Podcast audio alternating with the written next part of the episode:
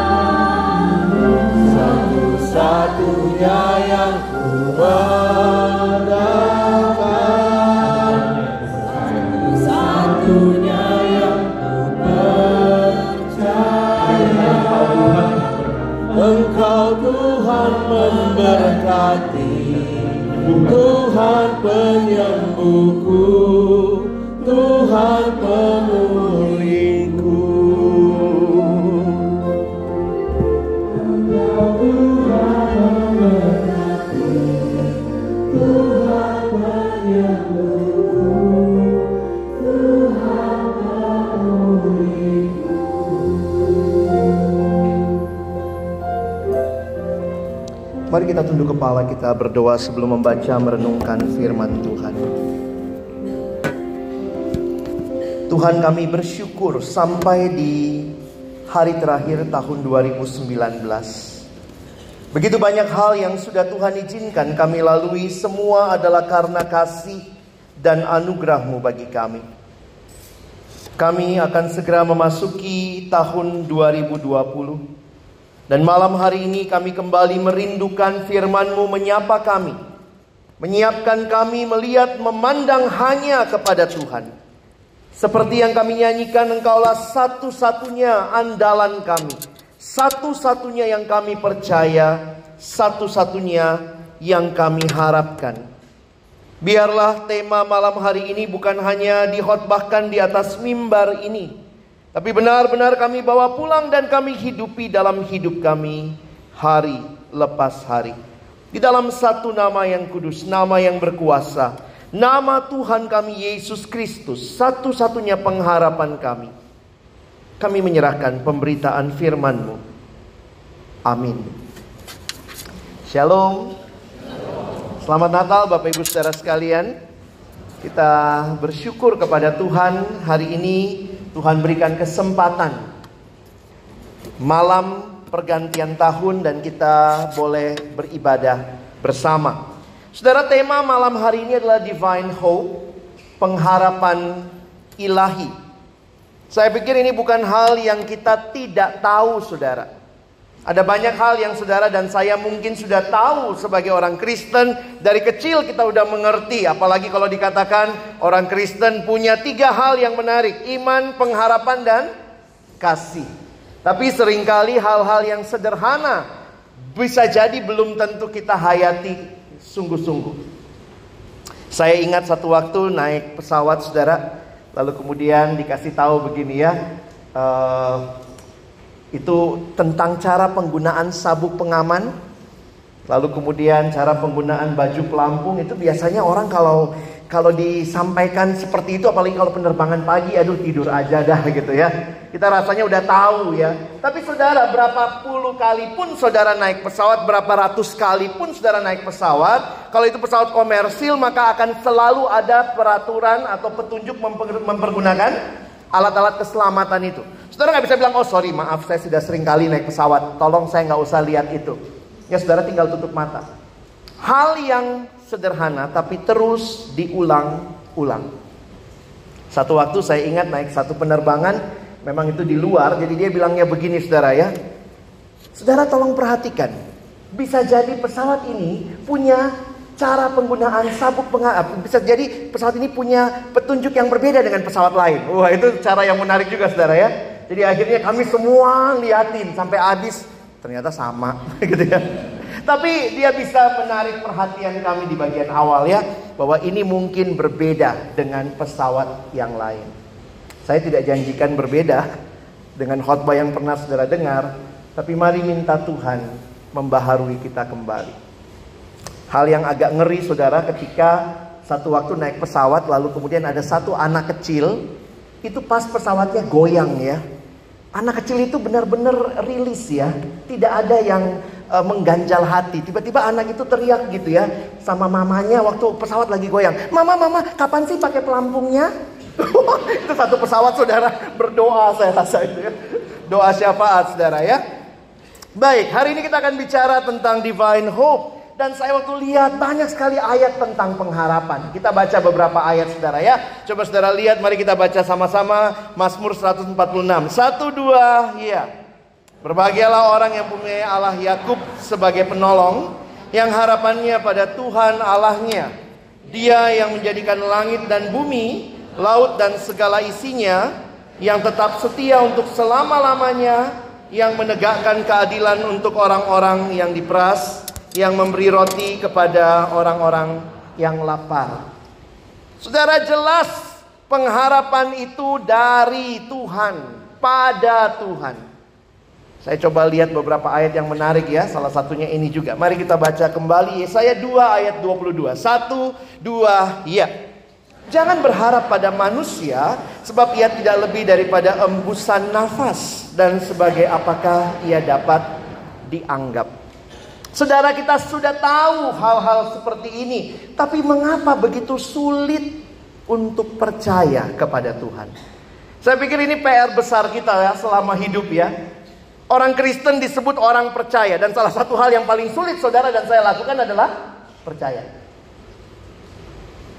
Kalau saudara memasuki 2020 masih mengan apa memakai status itu saya orang percaya maka pertanyaannya Apakah saudara sungguh-sungguh mau percaya?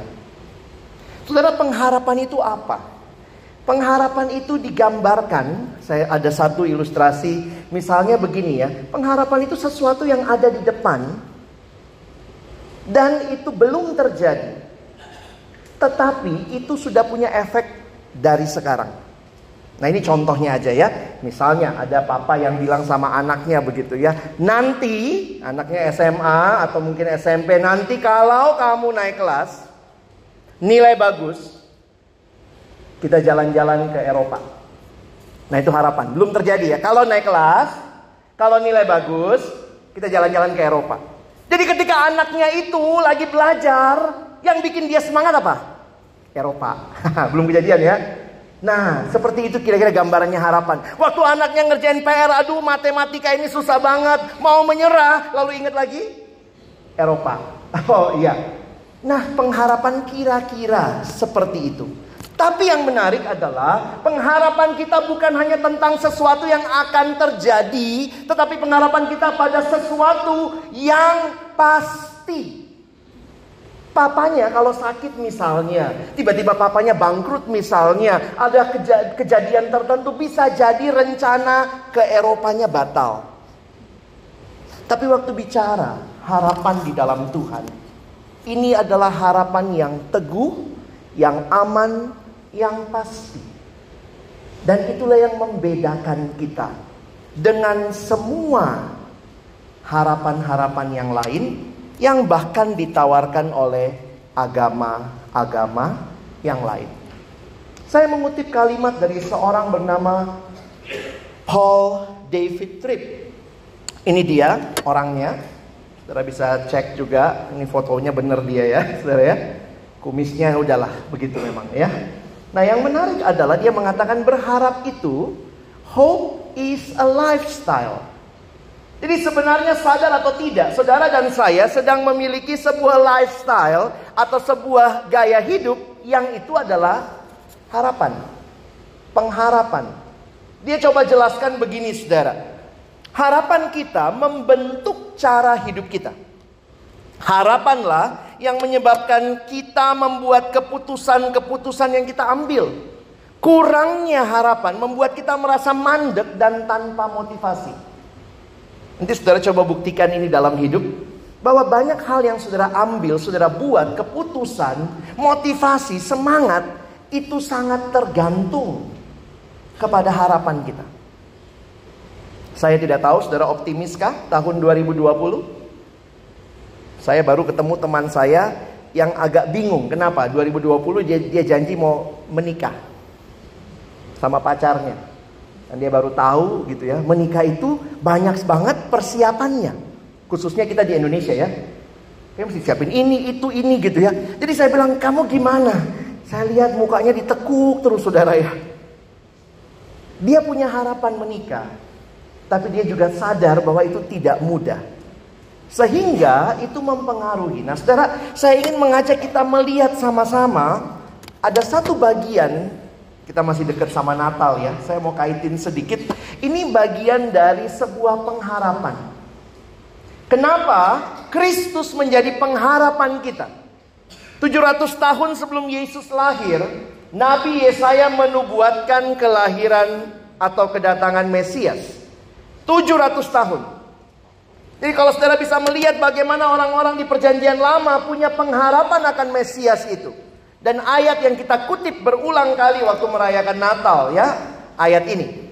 Saudara kita baca sama-sama ya. Satu, dua, ya. Bangsa yang berjalan di dalam kegelapan telah melihat terang yang besar. Mereka yang diam di negeri kekelaman atasnya banyak orang kutip ayat ini nggak ngerti konteksnya apa. Jadi saya malam ini mau coba mengangkat pengharapan dari cerita kenapa datangnya terang yang besar itu menjadi pengharapan bagi kita. Karena itu mari kita buka bagian firman Tuhan malam ini di dalam Yesaya 8 ayat 19 sampai 23. Mari saudara lihat sebentar Yesaya pasal yang ke-8 ayat yang ke-19 sampai ayat yang ke-23. Mari kita membaca bergantian.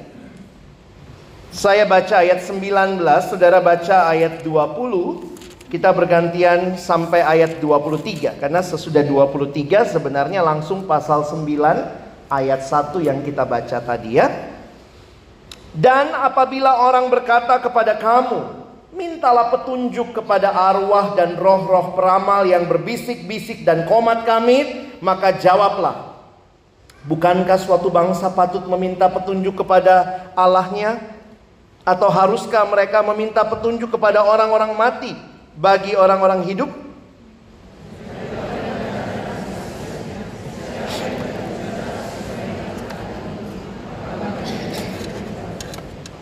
Mereka akan lalu lalang di negeri itu, melarat dan lapar. Dan apabila mereka lapar, mereka akan gusar dan akan mengutuk rajanya dan Allahnya. Mereka akan menengadah ke langit.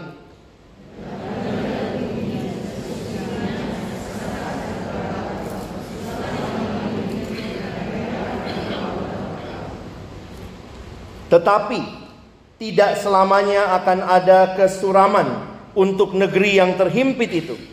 Kalau dahulu Tuhan merendahkan tanah Zebulon dan tanah Naftali, maka di kemudian hari ia akan memuliakan jalan ke laut, daerah seberang sungai Yordan, wilayah bangsa-bangsa lain. Saudara lihat sebentar judul dari pasal 8 ayat 5. Coba naik sedikit. Kalau HP-nya di scroll begitu ya. Lihat apa judulnya pasal 8 ayat 5? Penyerbuan Asyur ke Yehuda. Sekarang maju lagi sedikit, lihat pasal 7. Lihat pasal 7 ayat 1, lihat judulnya saja. Pasal 7 ayat 1 judulnya Yesaya dan Raja Ahas. Nah ini yang kadang-kadang memang kalau Natal kan nggak dihotbahkan karena bakal panjang saudara ya. Tapi saya percaya saudara tahun baru di luar hujan mau dengar khotbah agak panjang gitu ya. Nah sekarang kita lihat sedikit apa sih Asyur, apa sih Raja Ahas, ada masalah apa? Nah saya mau cerita sebentar, Bapak Ibu dengerin ya. Ada gambar bisa menolong. Ada tiga kerajaan yang ada pada waktu itu. Ada tiga kerajaan yang ada pada waktu itu. Kerajaan pertama, kerajaan Yehuda. Ibu kotanya Yerusalem. Ah, itu. Bisa lihat? Lalu kemudian ada lagi yang namanya kerajaan Israel. Israel Yehuda kan mereka terpecah dua ya. Itu di mana? Ibu kotanya Samaria. Lalu ada lagi kerajaan Aram. Ibu kotanya Damsyik. Damaskus. Nah, ini tiga kerajaan yang deketan. Nah, ya. Nah, pada waktu itu ternyata ada kerajaan lain yang mau menyerang. Jadi ini ceritanya begini ya. Yerusalem, kerajaan Yehuda akan diserang oleh koalisi Aram sama Israel. Kenapa Aram sama Israel mau menyerang Yehuda? Karena pada waktu itu mereka minta Yehuda koalisi, ayo dong gabung jadi satu koalisi besar, tidak mau Yehudanya. Karena waktu itu ada kerajaan lain yang siap menyerbu. Namanya kerajaan uh, Damsyik, Aram, Israel menjadi ancaman bagi Yehuda sebab Yehuda telah menolak ajakan untuk bergabung melawan kerajaan Asyur. Nah, Asyur di mana lagi? Yang tadi muncul kan di pasal 8 ayat 5 ya. Nah, ini ceritanya ya. Ini Yerusalem di sini, Samaria di sini, Damaskus di sini. Ini kerajaan Asyur. Kerajaan Asyur ini waktu itu lagi mendunia, kuat sekali mau datang menyerbu ke sini. Pada waktu itu Israel sama Aram ajak Yehuda gabung. Yuk kita perangin Asyur. Yehuda nggak mau. Siapa rajanya Yehuda? Itulah yang namanya tadi muncul pasal 7. Raja Ahas.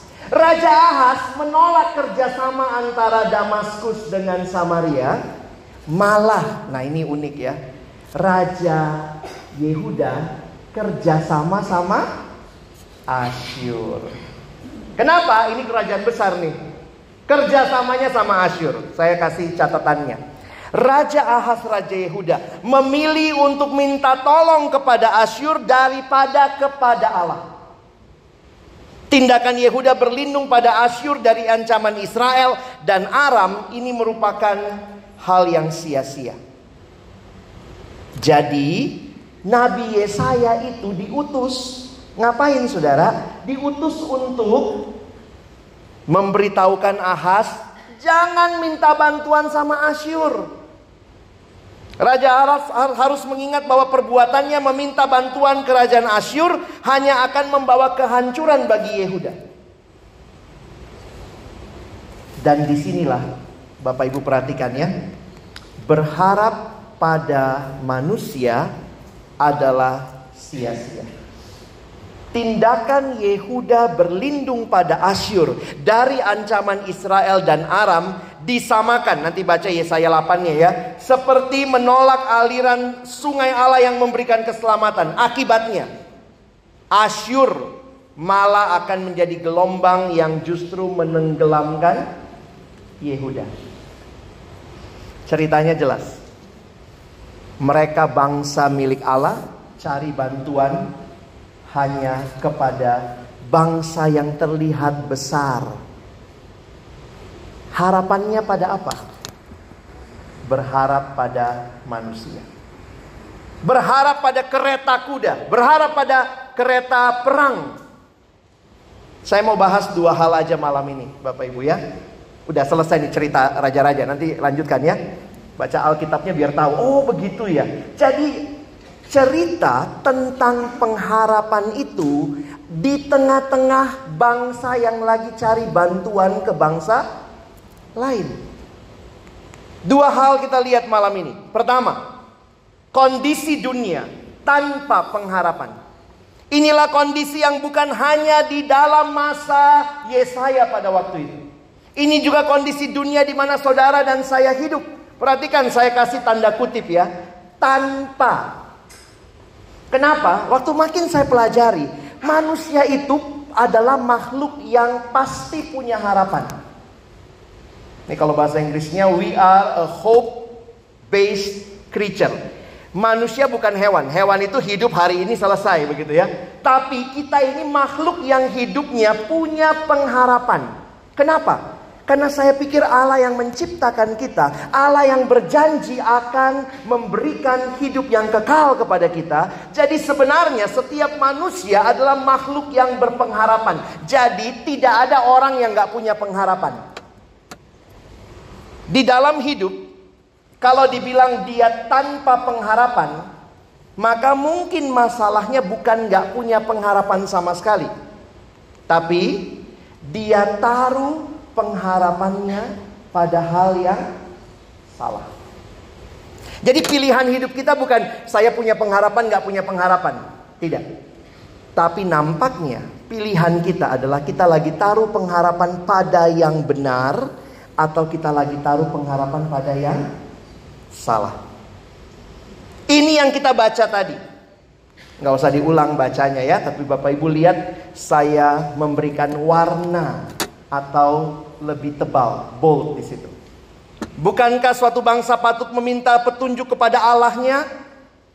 Israel minta petunjuk bukan kepada Allah. Roh-roh orang mati, peramal dan ini adalah satu realita kehidupan mereka. Mereka taruh pengharapan mereka bukan kepada Allah yang benar, kepada Allah yang palsu. Dan ini juga masalah saudara dan saya. Percaya Tuhan berkuasa, percaya. Tapi sering kali sulit sekali menaruh kepercayaan itu, menyerahkan diri sepenuhnya.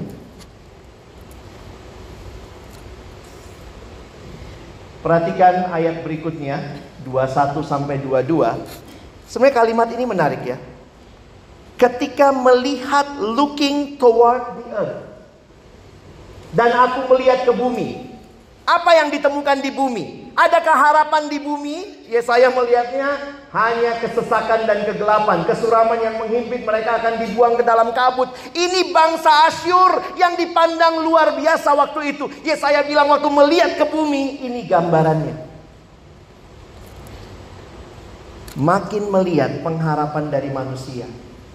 Saudara dan saya akan makin kecewa.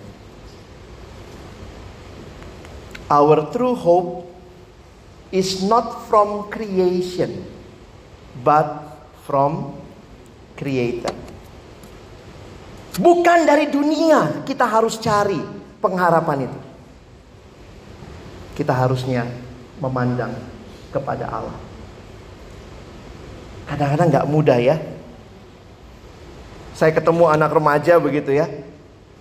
Dia tanya sama saya, Koko, Koko zodiaknya apa? Hah? Zodiak? Tanya bintang, bintang apa? Saya bilang, e, saya Capricornus. Ini baru ketemu saudara ya, baru ketemu. Saya Capricornus, saya bilang.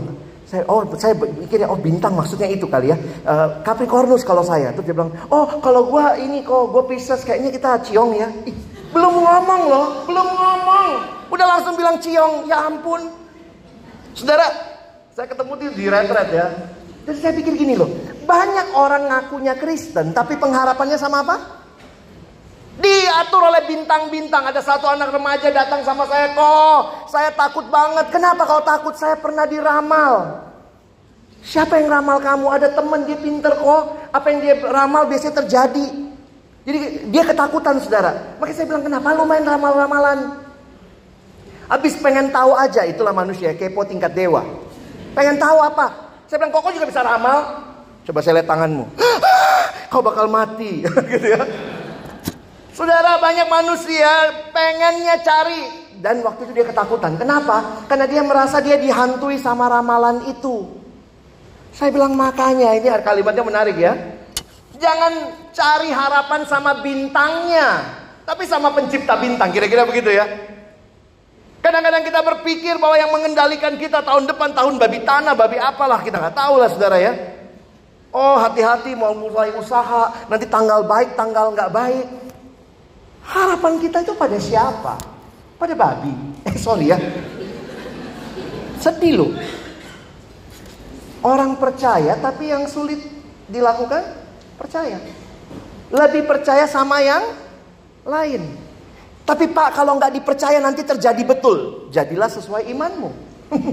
terjadi benar. Ketika kita melihat bahwa hidup kita diatur oleh siapa? Oleh Tuhan. Belajar percaya kepada Tuhan. Our hope is not from creation. It's from creator. Nah ini manusia sejak di Taman Eden nih dosanya ini kan selalu lupa dirinya bukan bukan Allah. Dia pikir dia yang ngatur, akulah satu-satunya. Dan ketika manusia mulai berkembang dengan segala hal, saudara hati-hati. Kadang-kadang harapan itu kita taruh bukan pada hal yang tepat, tapi pada hal yang salah. Salahnya bukan memiliki benda-benda itu. Coba lihat ya, ini coba periksa apa harapan kita. Salah nggak sih punya duit? Punya duitnya nggak salah, tapi berharap kepada uang. Seolah-olah uanglah yang mengatur segalanya. Saudara bukan lagi menggunakan uang, tapi saudara memberhalakan uang. Beda ya? Jangan kalau berharap sama Tuhan lalu nggak ada uang, nggak usah nggak usah kerja, uh, uh, pakai baju putih-putih tunggu Yesus datang. Kita suka gitu ya. Berharap itu rasanya saya diam Tuhan bekerja. Kayak beli rinso nanti dia mencuci sendiri. Ditinggalin satu malam, jangan diliatin. Malu dia kalau lihat. Nih bapak ibu yang agak tua ngerti ya. Anak muda rinso apaan tuh? Karena dulu semboyannya rinso mencuci sendiri. Jadi Jangan taruh aja rinso di situ sama baju, besok udah selesai dicuci. Itu bukan berharap, itu goblok. Tipis bedanya. Banyak orang bodoh, bukannya berharap.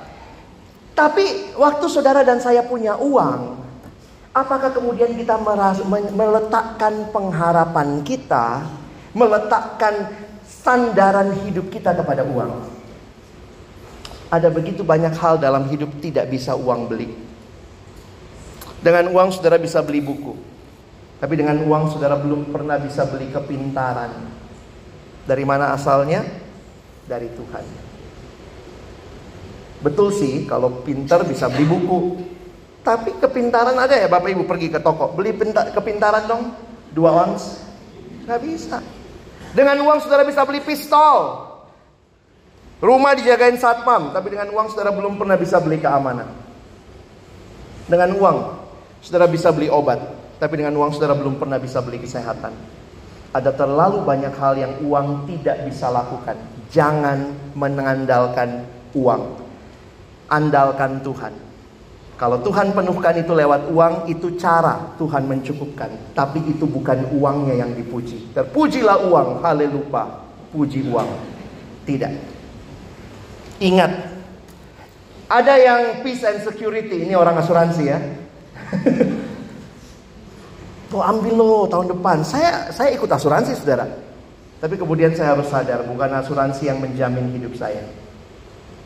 Nah, tapi orang asuransi kalau presentasi itu kan memang luar biasa ya. Wah, uh, maaf Pak ya, kalau seandainya terjadi, nanti saya jauhkanlah itu Tuhan. Gitu ya. Karena kan dia akan kasih penjelasan begitu. Tapi saya melihat bahwa orang begitu yakin bahwa ini bisa menjaga ke depan. Saudara bayangkan ini 10 tahun nanti investasinya Pak akan bisa uh, tapi kemudian nanti income pasif income saudara akan dapat uang tanpa kerja.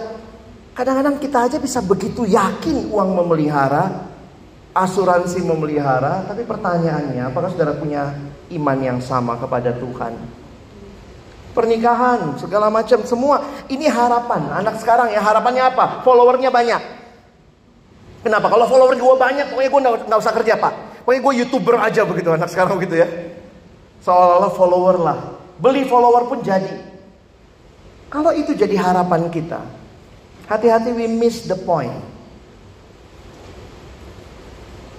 Akhirnya ketika manusia mengandalkan hal-hal seperti ini, ketika manusia lebih percaya kepada yang bukan Allah, sebenarnya itulah yang namanya dosa.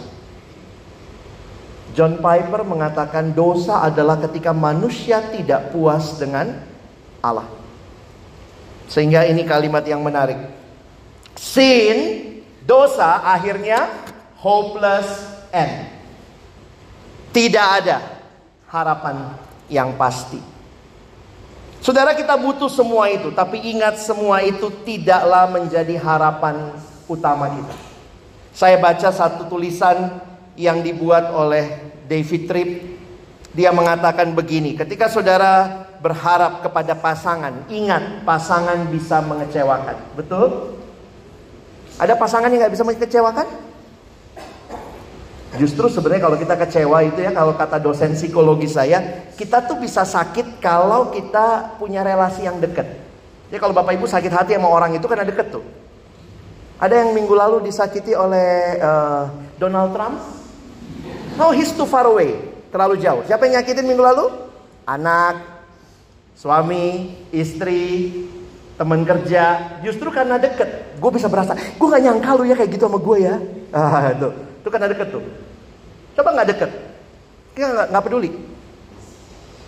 Dia mengatakan bahwa keluarga atau pasangan bisa mengecewakan kita.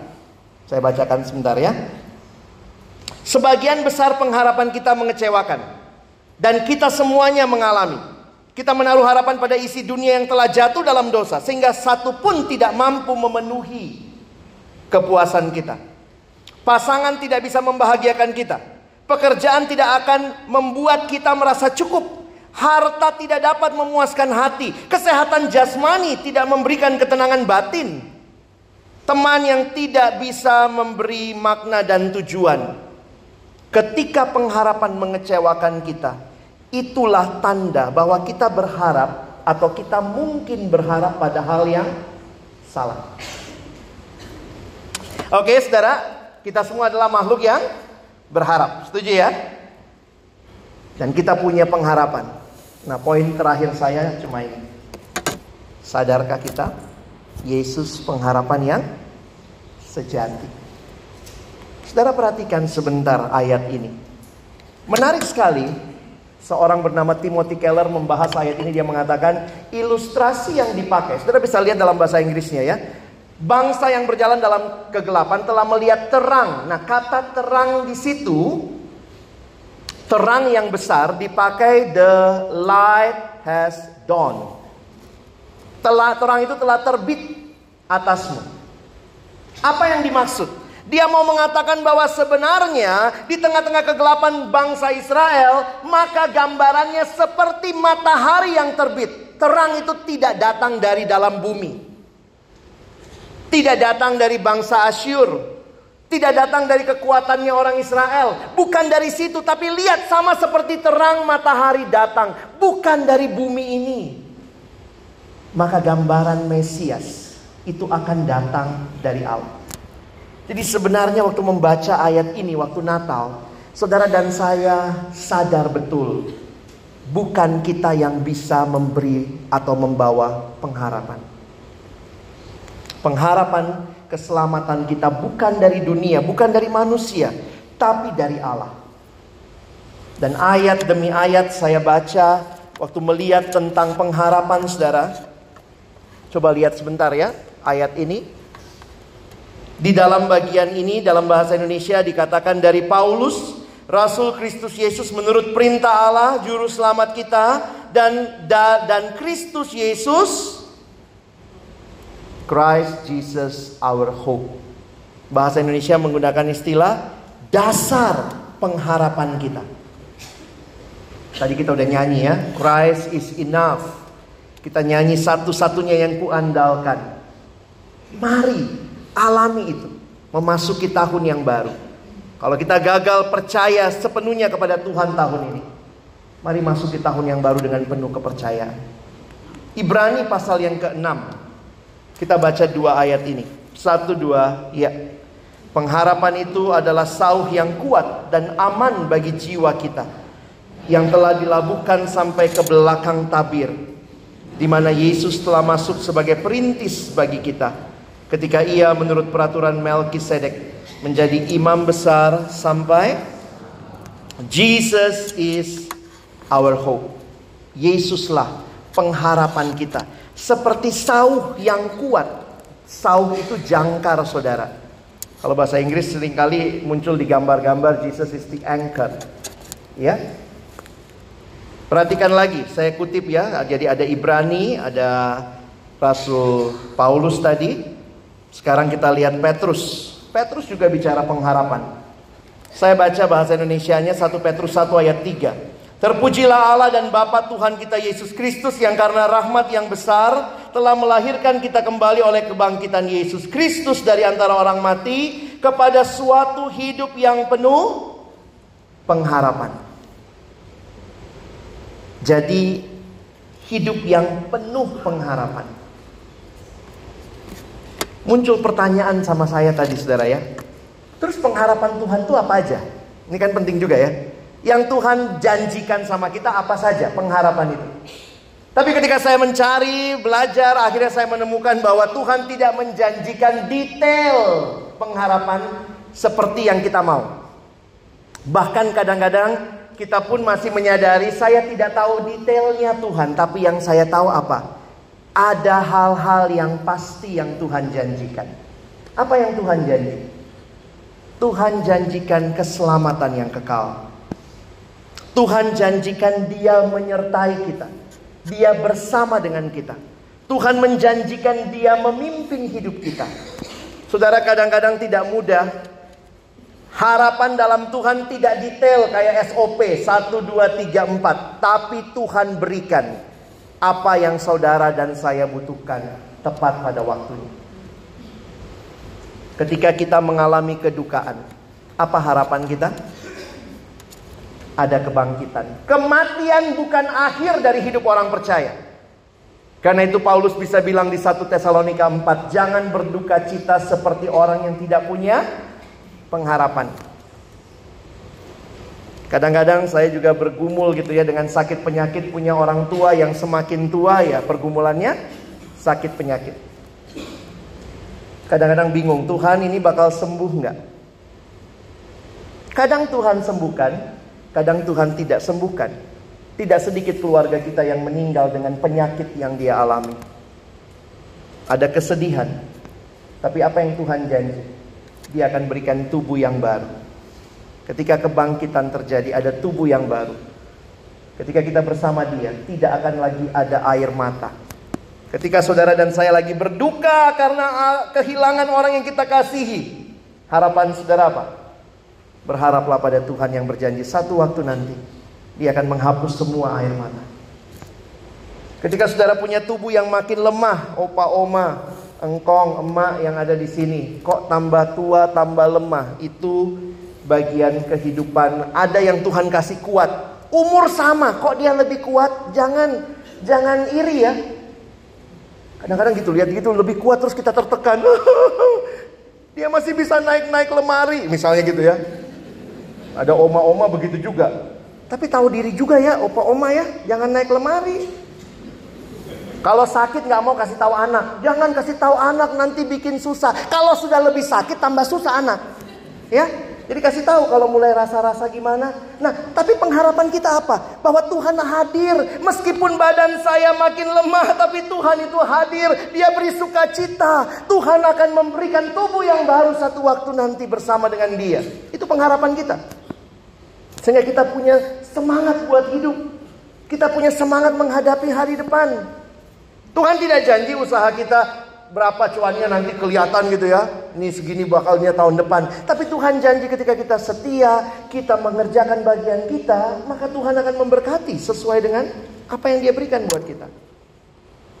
Jadi memang hidup dalam pengharapan itu tidak semuanya kita tahu detail saudara ya.